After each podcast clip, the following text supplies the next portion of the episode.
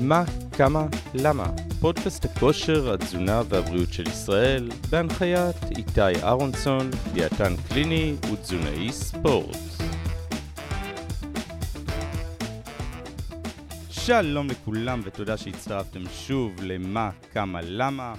אמ, כאן איתי אהרונסון, דיאטן קליני, תזונאי ספורט, והיום יש לי כבוד אדיר לארח בעיניי אחד מהסופרסטארס, הרוקסטארס מבחינתי של uh, עולם תזונת הספורט ו, uh, והרזייה בכלל. אני מארח את דוקטור ביל קמבל. ביל קמבל הוא מרצה לאקסרסייז סייאנס, למד... למעשה בעברית, באנגלית זה נשמע יותר טוב, מדעי האימון הגופני. הוא מנהל את המעבדה לשיפור ביצועים ומבנה גוף, שוב באנגלית נשמע יותר טוב, Performance and Physics Enhancement Laboratory. באוניברסיטת דרום פלורידה. הוא פרסם למעלה מ-150 מאמרים מדעיים, וכן שימש כנשיא של ה-ISSN, International Society of Sports Nutrition, שבעיניי זה אחד מכתבי העת הטובים ביותר, אם לא הטוב ביותר, לכל מה שקשור לתזונת ספורט. אז, היי דוקטור קמבל, how are you? Thank you for. I'm doing great. Thank you for inviting me on your podcast. Oh, it's a big honor for me. I just told the audience that you are uh, one of my uh, rock stars uh, in this field of nutrition and weight loss. Uh, and I told them that you were the president of the ISSN, um, which I think it's um, maybe the toppest organization for sports nutrition in the world. So it's like the gold standard, more or less. Yes, yeah, yeah, and it's in. We're gonna have our um, our conference, national conference, in um, in about two months in in June. So looking forward to that. Oh yeah, is it going to be um, online or or in, in person? I think um, in in Florida, St. Petersburg, Florida. I don't think it's online. Mm. Great, amazing. I, I hope it's online because it's easier for me. yes. Yeah. I hear that. So first of all, Dr. Campbell, tell us a bit about yourself. Who are you? Where are you coming from? What What is your main interest? Okay, so I'm a professor at the University of South Florida, which is located in Tampa, Florida. I direct the Performance and Physique Enhancement Laboratory there, and I teach in the Exercise Science program my initial degree back when I was younger was in marketing. So I was in business in a totally different profession for, for a few years. And then in my late 20s, I switched careers because I didn't like the, the, the, the career that I was in, but I loved exercising. I loved sports nutrition. I liked bodybuilding. So I decided I needed to make a career change. So I had to go back to school for quite a quite a few years to get all of the courses that I needed, like anatomy and physiology, nutrition, exercise physiology. And I got my master's in exercise physiology and my PhD in exercise nutrition and preventive health. And that was at Baylor University. And after I graduated in 2007, I my first job and my current job is at the University of South Florida. And my research has two broad areas of focus. We we study sports nutrition and physique enhancement. And for the physique enhancement, it's basically studying how people who are not overweight, so fitness enthusiasts, how they can lose more body fat while maintaining muscle mass or how people that are already fit can build more muscle. So it's it's basically, you know, some people call it body composition. I like to call it physique enhancement. So a lot of bodybuilders like what I do, but also a lot of moms who just try to stay in shape and who like to exercise like what I do. And we again we are doing diet studies, supplement studies, and almost everything we do has a resistance training component to it. Amazing, fascinating. So, you you started talking about a, body composition, recomposition. Tell us about it a bit. Is it possible to to gain muscle while losing fat? It is possible, and we did we published a narrative review on this topic this past year. Chris Barakat from the University of Tampa was the brainchild and he was the director of this narrative review. So he asked me to collaborate, but it was really his expertise that that's in that paper and it was it was really good. And what we did in that paper, we were able to highlight all of the research or much of the research that reported that while people lost fat, they gained muscle. So I'll just say that we used to think, yeah, that can happen, but it only happens in beginners. Well, that's not true because a lot of the research happens in people who are resistance trained for many years. There's even some stories of bodybuilders who are, you know, highly advanced being able to do this. So it can happen. I would caution people though to to not expect it to happen. Just because it can happen doesn't mean that it's typical or common. I would say it's not common but it's not impossible. And what we what our conclusions were if it's gonna happen, there's two main things that have to happen. You obviously have to be resistance training. That has to be the stimulus to the body to, to increase the muscle mass. And there needs to be a relatively high protein intake. So if those two things are present, that's when we see that it happens. And even then, it's not a common outcome. Thank you uh, when when people come to my clinic and want to to wait to lose weight um, in a in a good way, you know, losing fat and gain muscle. So I tell them always that the main purpose is first of all not losing any muscle, and if we are good enough, we can build. It's awesome. But first of all, keep your muscle mass uh, steady and not losing anything. Yeah, I agree because we we do have some research that that suggests that if you lose muscle mass when you diet, you you have more hunger when the diet is over, your metabolism will be lower. So there's nothing good about losing muscle when dieting. Now, if you do lose muscle, you can get it back. It's not like it's gone forever. But I still like, just like your philosophy, I like to approach a diet where that's the goal. Now, the primary goal is fat loss. But as we're trying to lose fat, just as you said, let's also put some things in place that will protect our muscle mass, that will protect our metabolism, so that we will have long term outcome success. So, uh, I, I wanted to ask two questions when you spoke now. Uh, First of all, you talked about uh, the reduction in the basic metabolic rate, the RMR or BMR. The reduction in the in this uh, BMR is it because of the muscle loss or just uh, it's uh, what the body does after it loses weight? So it, there it could be a, a couple things. It could be that the calories are lower, that there's a direct association there there's also a direct association with muscle loss. So sometimes it's hard in studies to to to point to one cause. So I obviously we know that the number one predictor, at least in males, of a um, of metabolic rate or BMR is muscle mass. And what I see in research, and even in my own lab, when when when my subjects lose muscle mass, we tend to see that they also lose metabolic rate. When they maintain their muscle mass, the metabolic rate really doesn't change, even when the calories are lower. So I think that muscle mass is the has the primary influence on uh, on your metabolic rate when dieting. Now, we used to think, at least I used to think years ago, if you increase your muscle mass, you're going to have a much faster metabolism. Maybe you could have an extra 100 calories for every half a kilogram. And, and I don't think that's true anymore. It's a lot smaller than what we think.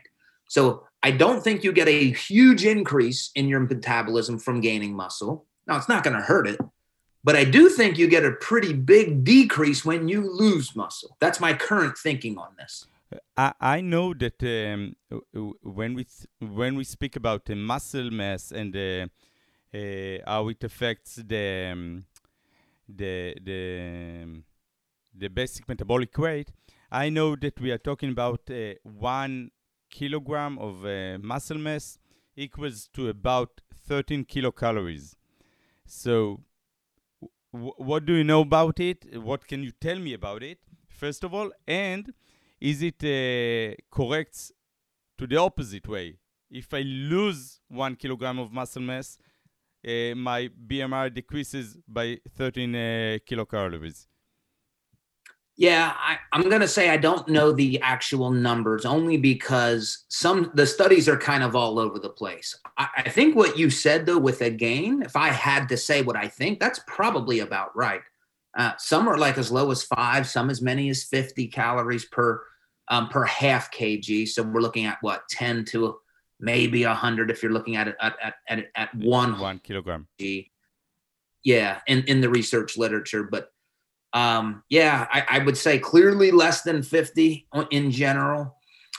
Um, I'm just trying to think in my own lab what we see because we, we we've never done a um, well, we've done very few um, weight gain studies. Most of my recent research is always fat loss, where my subjects maintain muscle mass or they lose muscle mass.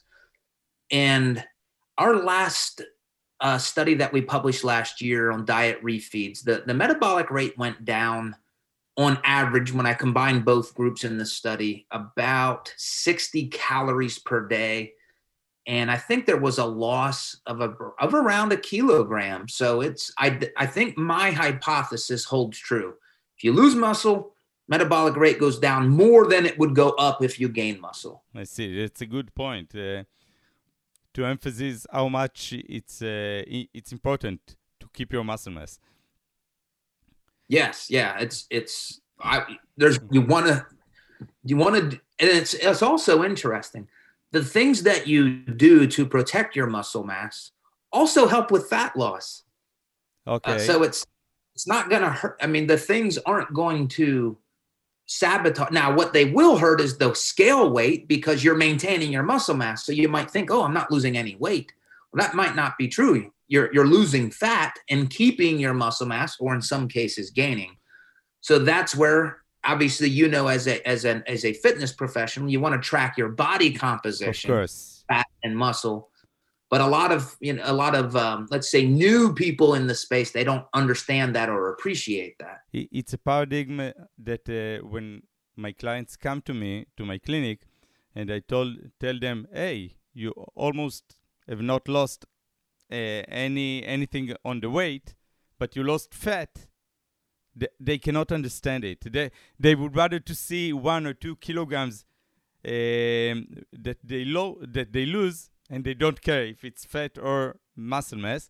And of course, it's a paradigm that uh, we have to change it. yes. And let me just say, I'm a professional, I'm a researcher, I'm guilty of that myself. I look at the scale weight and I, sometimes I get frustrated and then I'm like, wait a minute, don't do that. Me so too. I have to remind I have to remind myself. Me too. I, I know what you're talking about. Now, we, we, we have to take uh, under consideration, of course, in my clinic and most of the places that uh, the measure of uh, fat percentage or fat tissue and muscle tissue, it's uh, it's not an easy job. You know, you, maybe if you have a DEXA, so you can use it and get uh, more accurate results. But um, if you are using the BIA or Skinfold, there, there are mistakes there. Yes, uh, Skinfold. We use Skinfolds in my lab. We don't publish those results generally, but we use them. And as long as the technician, the person doing the Skinfolds, as long as they're trained, I have a lot of confidence in that. We also use BIA in my lab mainly as an estimate of body water. But I, I'm, I'm about to do some research on this, looking at some of our prior data. I'm very happy with the the BIA that we have in my lab. It's called an InBody 570. I and have 270. Yes. I have it so in my InBody, clinic. Yes. And I don't get paid by InBody, so don't don't think that I'm trying to to promote them. I'm just saying I'm I, very happy. I only pay them. What's that? I only pay them. yeah. Yeah, me too. We we had to pay for the machine. Um, so their model too, it's um, do you have the hand things where yeah, they also of course. hold on? Of course, it's the same, but Yeah. it's only smaller, a bit smaller. Yeah, I think I think the only difference is the 270 doesn't give you intracellular and extracellular, but the that's the only difference. Yes, so it's an eight electrode model. Um, very happy with it. Uh, now again, I'm going to crunch the numbers, and maybe I won't be as excited when I see the numbers, but visually, I I, I like what I see with it. So I'm I'm if if anybody has well, if they can go to your clinic, great, because I think it's a good machine. But if they have access to a quality BIA like the InBody, it's I, I think you can feel good about the changes. At least I'll say this: they match up very well visually with what we do in my lab with ultrasound, where we actually measure, you know, Yeah. the millimeters of the fat thickness with weight loss. See, uh, m- I think that for the most of the population, they don't really care how accurate is the machine. They care about the delta. And if the machine is reliable, you know, giving the same results, and if you keep it uh, consistent with uh, how much uh, you water you drink before and what time you are doing the measurement and what you eat before and physical uh, uh, exercise before and everything, if you do it the same way, so the delta is good. And most of the people, I think, this is what they need. They they don't really care if it's 20.4 or 19.6. Who gives a damn about it? For the general population, elite athlete, it's something else. But for the general population, I don't think it's really critical, in my opinion. Yeah, no, I agree. Same same thing. Um, if as long as it can detect your changes, that's all that matters. I agree. Um, and De- I've used Dexa before. I don't. Dexa has issues. Dexa, it's very reliable, and I like you know I like Dexa, but I don't. I don't worship the Dexa like a lot of people do in my space. I actually like skin folds on physique athletes, be, or ultrasound, but not everybody has ultrasound because you can act. You're actually measuring fat when Yeah. you take a skin fold. Now you're getting a little bit of skin thickness as well, but I like measuring exactly you know the actual fat thickness. So- when I'm working with my athletes, I'm working both with the InBody and the skin fold. Uh, the um, soccer referees that I'm the nutritionist in Israel, uh, we use only skin folds. That's the way that uh, UEFA, the European uh, Association, that's the way they that they measure the um, the fat percentage for the for those uh, referees. Yes. Yep. I think the technique must be good enough. So yes. so when when we I, I'm going back to our main issue. Um, you, you, we spoke about the body recomposition and um, keep our muscle mass, and you spoke about um, two main components. One is the resistance training, and second is protein. Let's uh, talk a bit about uh, the protein, and after that, I would like to ask you about how many calories should I consume. But this is second. First, uh, protein, please. how much? Yes. Yeah. So I have a general recommendation when when you're reducing your calories, don't reduce your protein. So whatever you're currently eating, let's not reduce that. Now, if if we're working with an athlete, we all I want to prioritize carbohydrates as well. So let's assume we're talking about non-athletes for the moment. But I still don't want to lose I, do, I still don't want to decrease protein in athletes because that's how they adapt to their training. So no less than 1.6 grams per kg if people can tolerate that much protein. And let's say they can't, I'll say, okay, well, let's give you more than what you would normally do. What can we do comfortably for you? But if you if you're able to, let's not go less than 1.6. And my lab has gone from 1.6 to 2.2 during diet phases. And I would suggest you get better fat loss outcomes the higher the protein and the the greater. So if you can even go up to 2.2 grams per kg, I, that's even better in terms of feeling full during the diet for most people. Some studies would say that it doesn't help, but it never hurts. And the it also again there's some research to suggest that the fat loss outcomes are better and it will help maintain muscle mass so positive positive positive. I don't know what the negative would be. There's no negative to increasing the protein other than if you don't like protein or you struggle with that. Or if you have a kidney problems.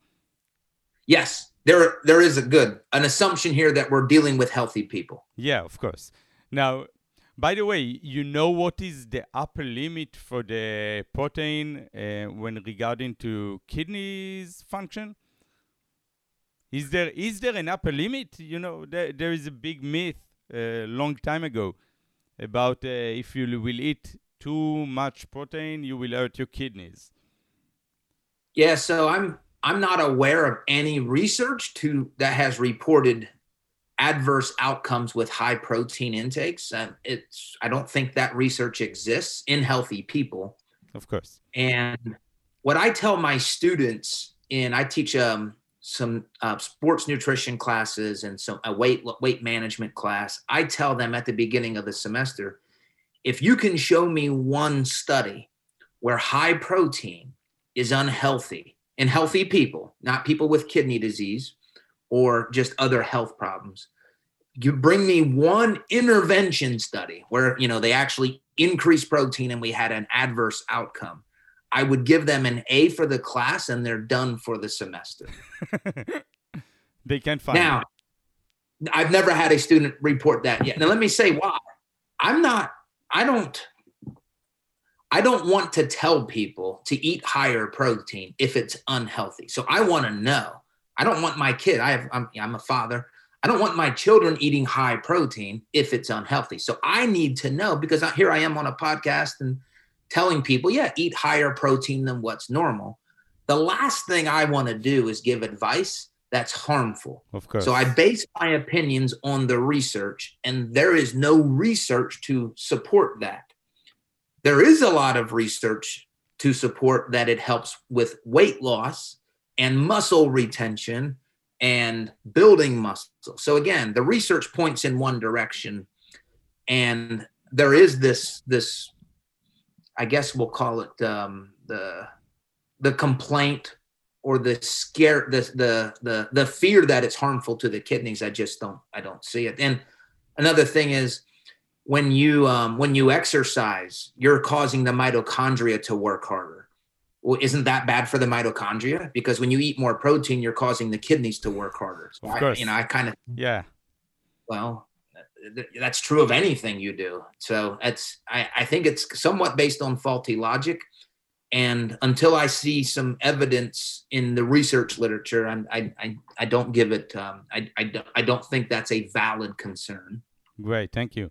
Now we know if we are talking about protein, but we know that the um, the star of the protein is the leucine.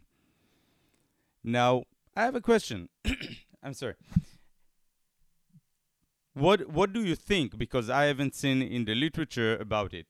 If I want to reduce my calories and I would just take leucine instead of whole protein, all right, will it give me the same result as uh, for the muscle retention?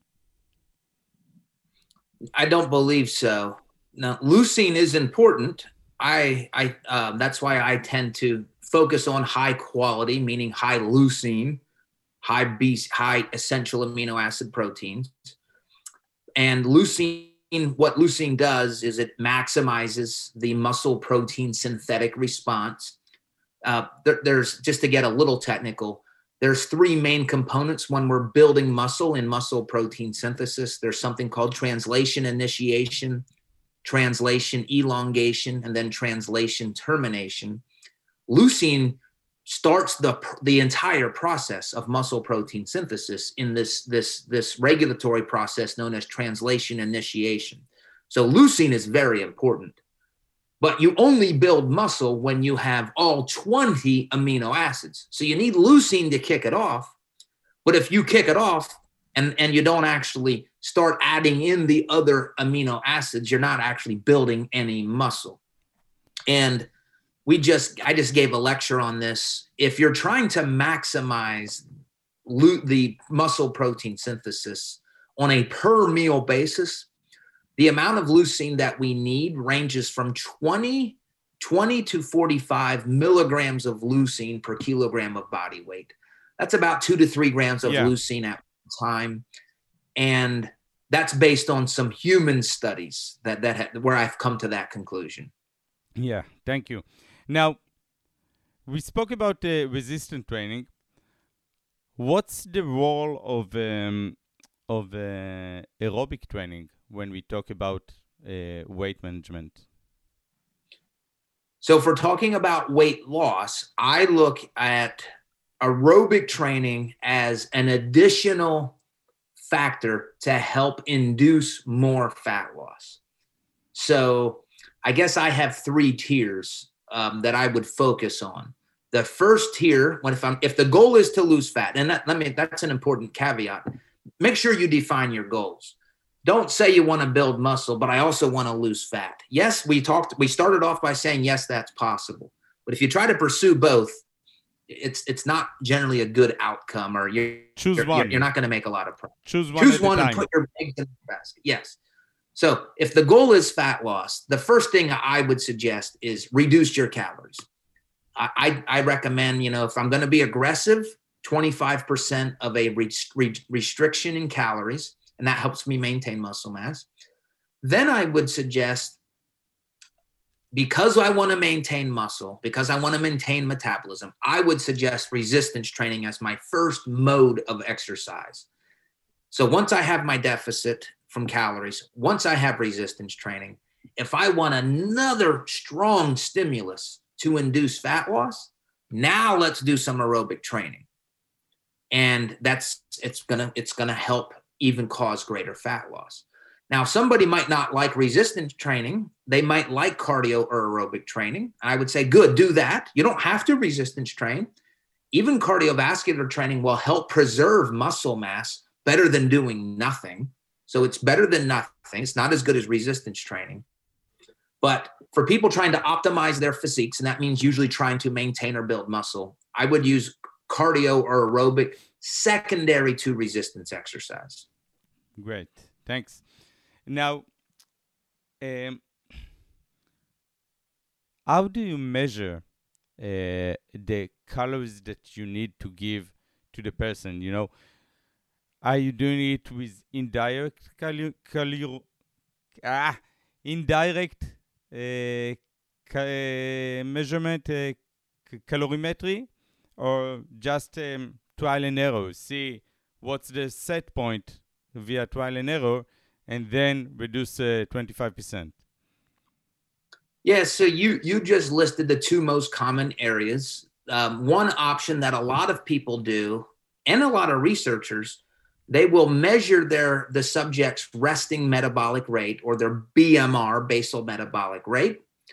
They'll add in a little bit of calories based on how active they are, and then they'll say, "Hey, we need, we want to reduce calories based on those numbers." I don't like that, um, and I'll tell you why. I don't. I I prefer basing food decisions on food intake so I'll say what that means. I don't want to base it on a an equation that I got on the internet, which may or may not be accurate to my subject.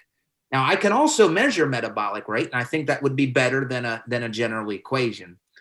But even then, I don't like I don't like doing that. So what I suggest and what we what we do in my research lab, we have our subjects uh, write down or track all of their food intake and we tell them don't change how you're eating. And we usually do that for a two week period. And if they don't gain or lose weight we then say okay we know your maintenance calories. And usually I, it's probably better practice to list maintenance calories as a range. So i think my maintenance calories are around 2900 but i probably 28 to 3000 so that's somewhere in there is where i won't gain or lose weight so that's what we do. And then from that value, we will reduce calories by 10%, 20%, 30%, typically 25% is what I suggest. So the reason I like that better, we're basing it on their actual food intake, not on their metabolism. And I like the metabolism. I measure metabolism. I want to see what happens to metabolism. I just don't like starting the diet based on that approach. But it's bet I mean, it that's what a lot of people do. It's and it's it's fine. It makes sense. It's just not what I prefer. I think that you're the way that you are doing it. It's much. It is much more um, practical. When, yes. When, yeah. When how I'm many people? It, how many people can go to a to a lab like yours or mine to get tested? Not everybody can do that, but everybody can write down what they eat and start to educate themselves. I, I, I agree. I agree. So now, tell tell me a bit. A bit. Uh, you have um, many interesting uh, studies. You have a study about um, uh, intermittent energy restriction. Um, I think that you can tell it better than I can. okay. It.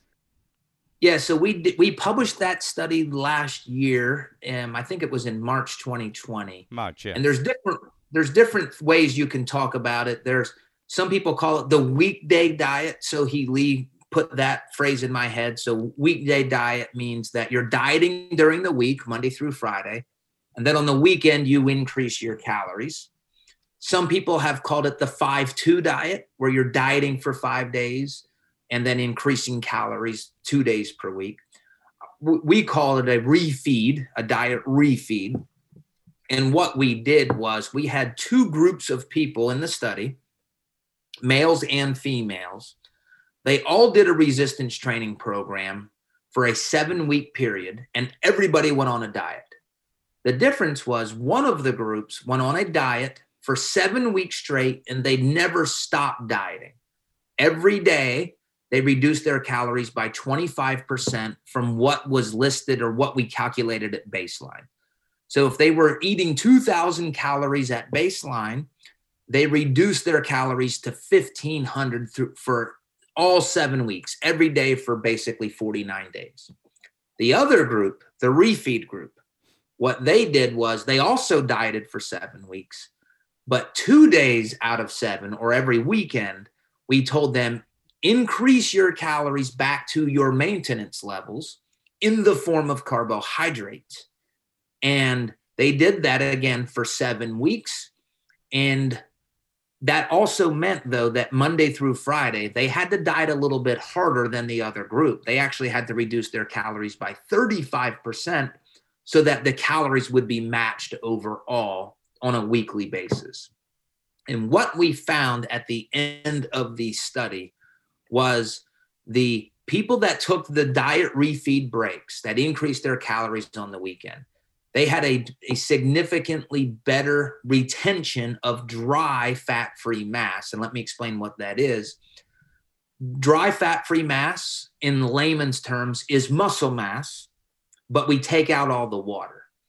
So we did a we used our InBody and we said how much water is in the uh, how much water is in the body and there's intracellular and extracellular and we subtracted that.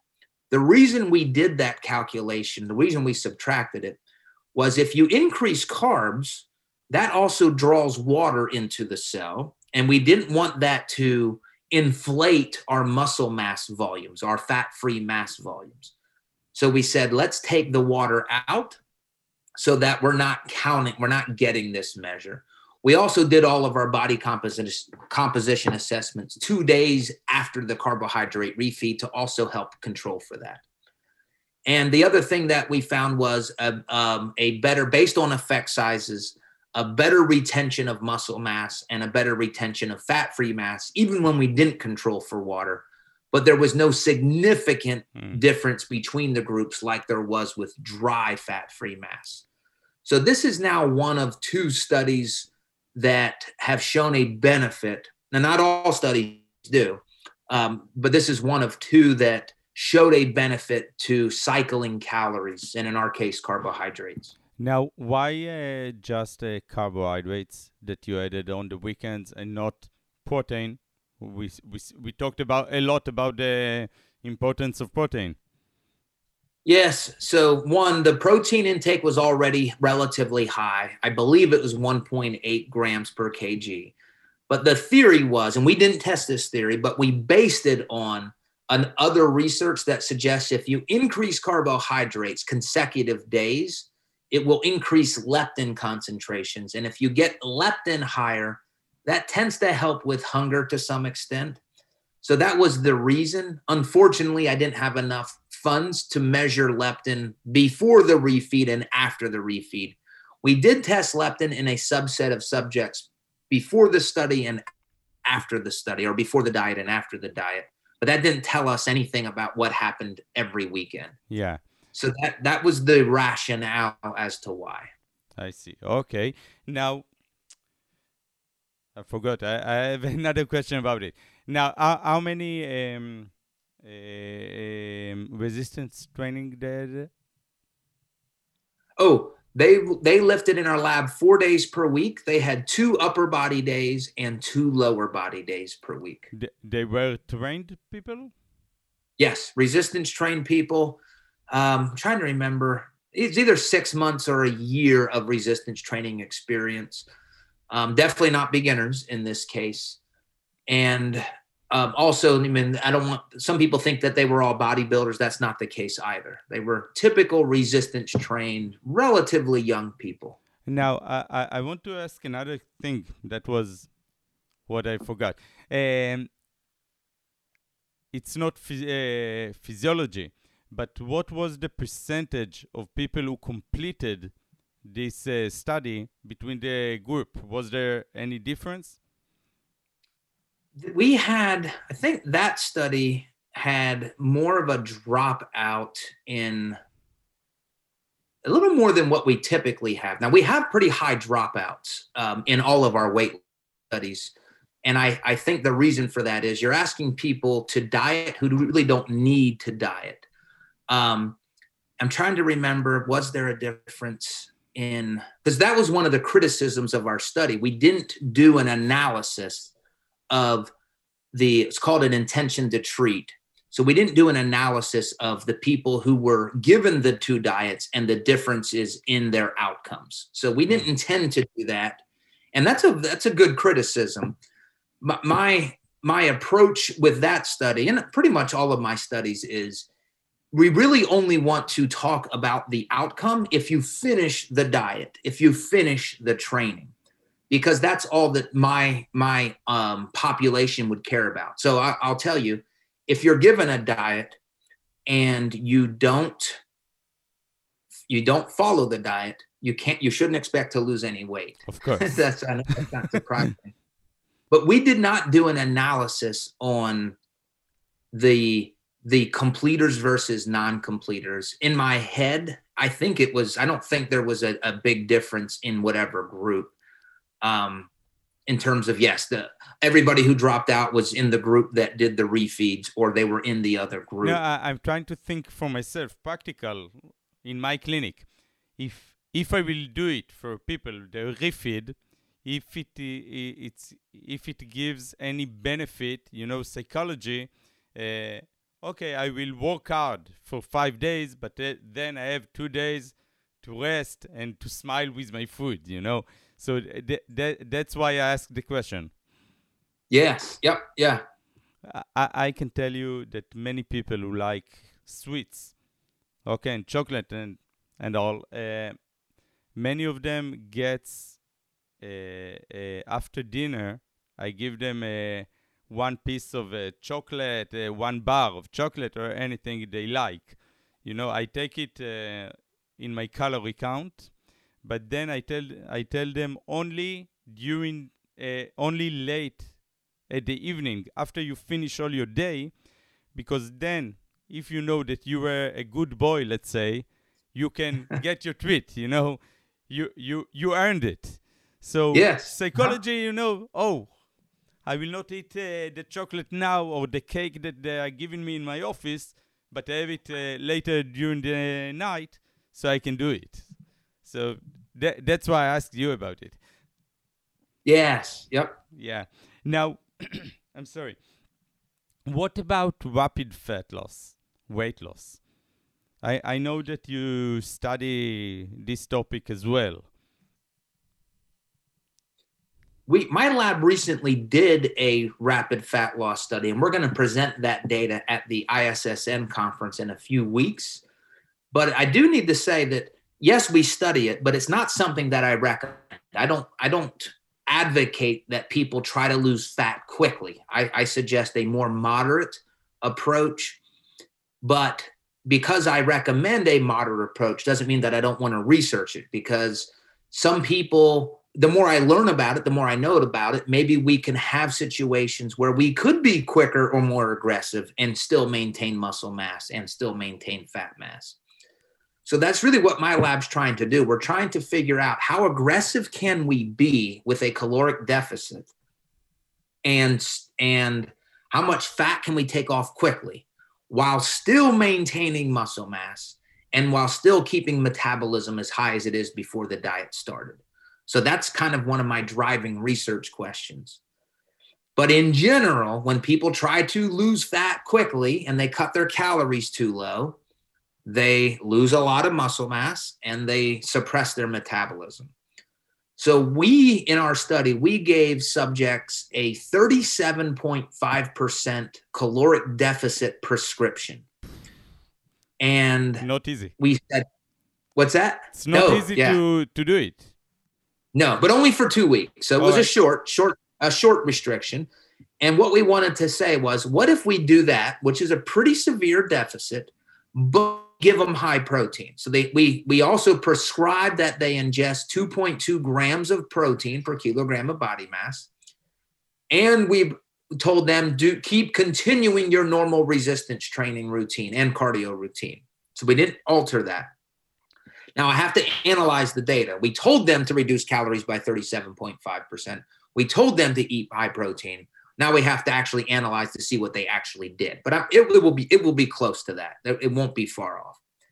And our goal with this study was even yes, we would normally think that muscle mass would be lost, metabolism would be lost with such a severe caloric deficit. But with the high protein, with the resistance training, can we protect muscle mass? Can we protect metabolism? And I can't, we didn't analyze all of the data yet. What I can share is when half of the subjects were finished with the study, this was last year before COVID, we finished half of our subjects. And what we found at that time, and we actually presented this at a at last year's ISSN conference, what we found was that even with our protections, high protein, resistance training, there was still a significant reduction in met BMR or resting metabolic rate by about 6%. So that just goes to show you can do everything right, but if you cut calories by too much, you can't, there's nothing you can do. You're still going to cause these these negative adaptations to occur. Yeah. Okay. So slowly, slowly. do it slowly. Now, I I'm going back to the last topic that we said about uh, the refeeding. What do you think about um, uh, in Israel? It's popular to do the cheat meals. You know, one meal a, a week that you eat whatever you want. What do you think about it? I th- I think as long as they are controlled, which nobody wants to do that. but it, so if your cheat meal is 2000 calories and that put you at, you know, put you in a caloric surplus by 1500 calories for that day, you're not helping your efforts if your goal is fat loss. But if your cheat meal is controlled and within your total daily macronutrient or total caloric budget, I, I think there's no problem. And for some people, I think it's a big help. For other people, it might cause them to to increase their hunger or they can't stop eating. Yeah. Like a so, bulmus, like a binge. Yes, yeah. And I'll tell you something, I, have never shared this before, uh, but it's something I've noticed about myself because I'm always dieting and gaining weight because I, I, just like to do experiments.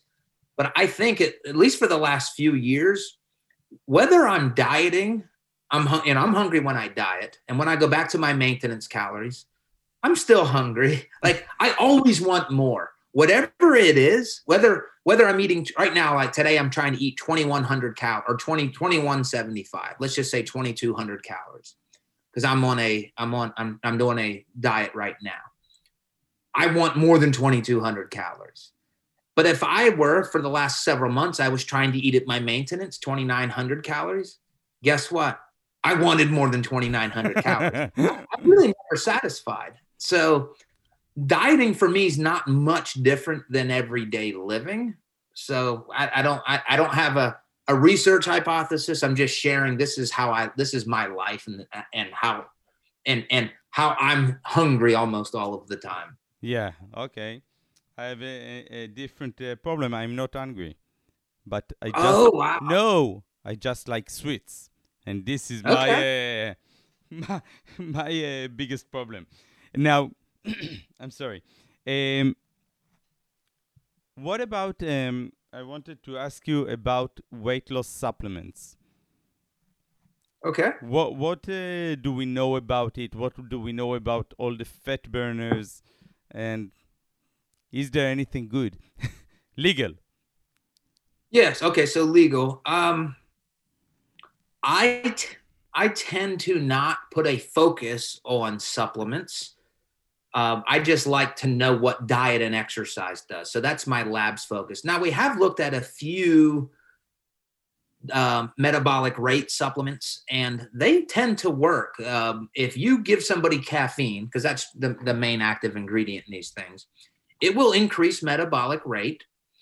And in general, I think caffeine is a very effective fat loss aid for several reasons. One, it increases metabolic rate, it increases lipolysis, which is the breakdown of fat, and fat oxidation. So that's the burning of fat.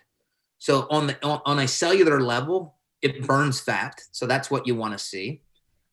Uh, caffeine also gives you the feeling of energy, and when you're dieting, you lack energy. So it could cause you to work out harder and then you're going to burn more calories because you're able to work out harder. And in many people, it suppresses their appetites. So I view caffeine as a pretty good weight fat loss dietary supplement. Uh, Do uh, I use it myself? No, I don't. I don't go out of my way. But if I were going to use something, it would be caffeine. Uh, how much caffeine and how big is the is the effect on um, on the BMR? So, how much? I'm going to borrow from the sports nutrition literature here, and the, the recommendation there is three to six, six, milligrams, yeah, per kg. Um, and then for if let's just say for me, if I were going to take it for fat loss, I would take 200 milligrams, maybe 400 milligrams. But again, I don't. Now I do take, I do drink Diet Dr Pepper, which has I think it's around 50 milligrams. But again, I'm taking that to feel full when I'm dieting. I don't take it for the caffeine um, part. And then you said, how much does it increase metabolic rate? It's um, in the studies that I've done, where I believe caffeine is the main ingredient, because it's always with, with a bunch of other ingredients. Uh, we've seen approximate seven to nine percent increases in resting metabolic rate over a three-hour period. So that doesn't mean oh. for 24 hours. So my eyes were opened. yes, yeah. So that's only three hours.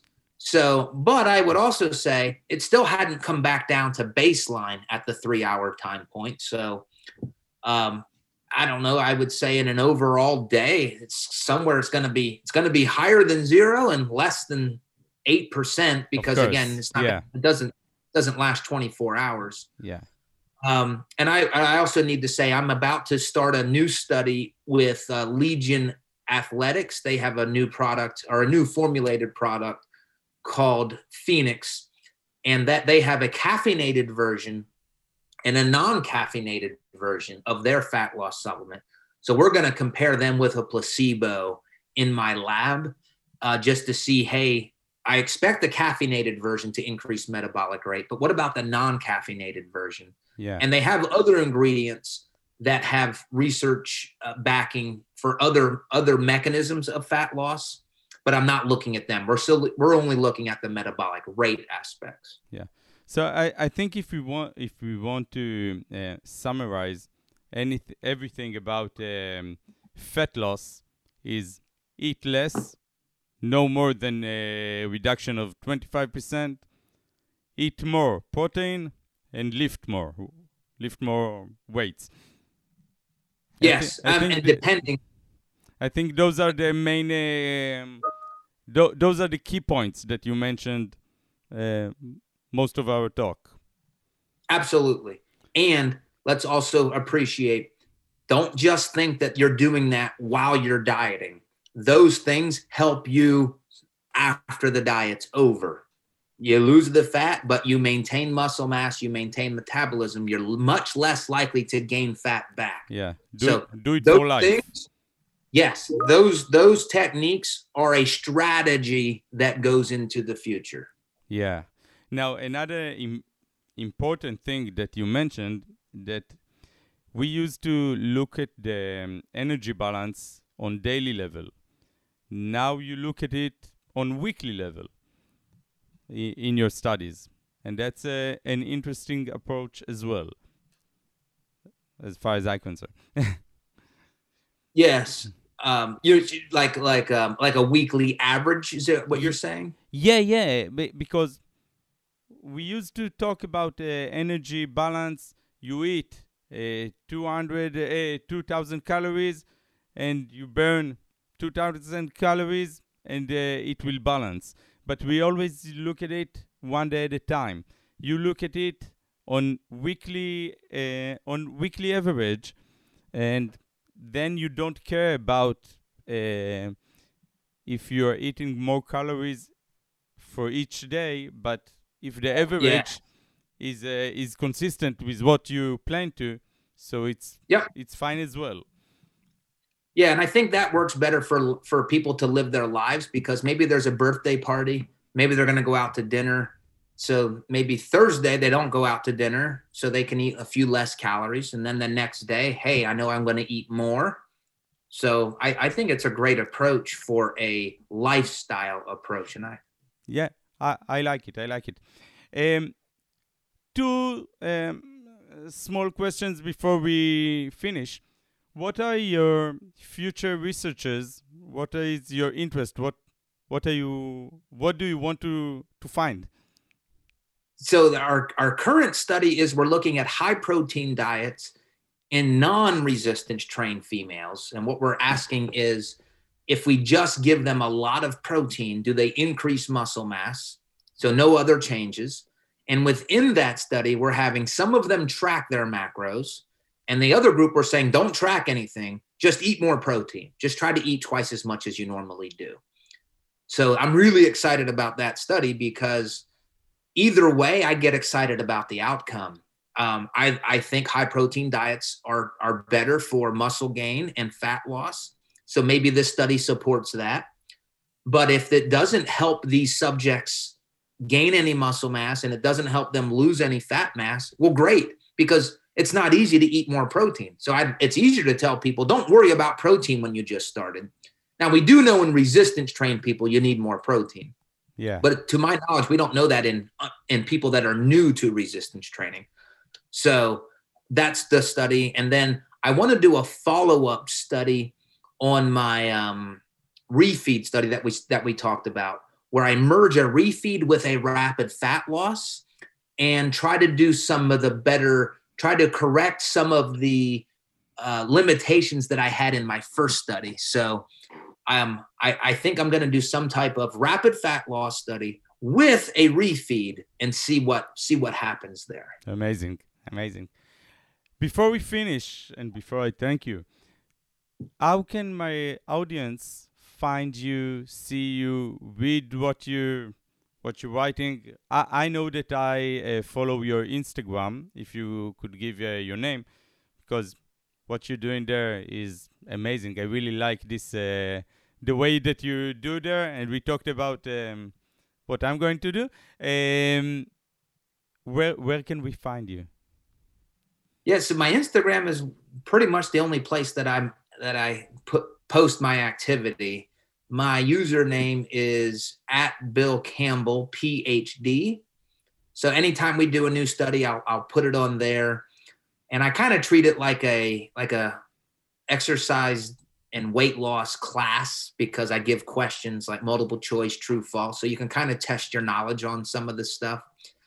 Um, yeah, I'm not in any any other um, any other venue, so that's the best place. Oh, but I, I can say for sure from from my point of view, amazing job that you are doing there. Thank I, re- you. I really like it.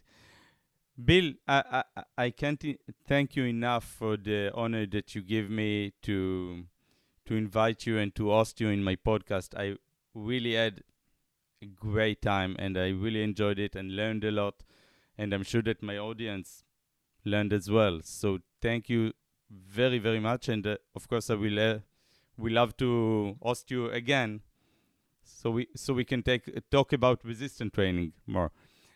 yes, yes, yeah. Thank you for the opportunity to talk about this about my research. I love talking about it. thank you very very much. Thank you.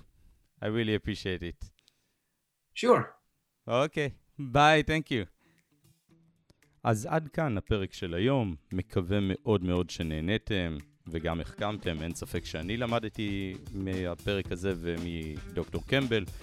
אמ, אשמח מאוד כמובן שתשתפו את הפרק, תגיבו, תשאלו שאלות, כמובן שאם יש עוד אנשים שתרצו שנארח בפודקאסט, אשמח לפידבקים ולתגובות, ובכלל, שיהיה יום טוב, שמרו על כושר, תרימו ברזלים, ובעיקר, תהיו אנשים טובים.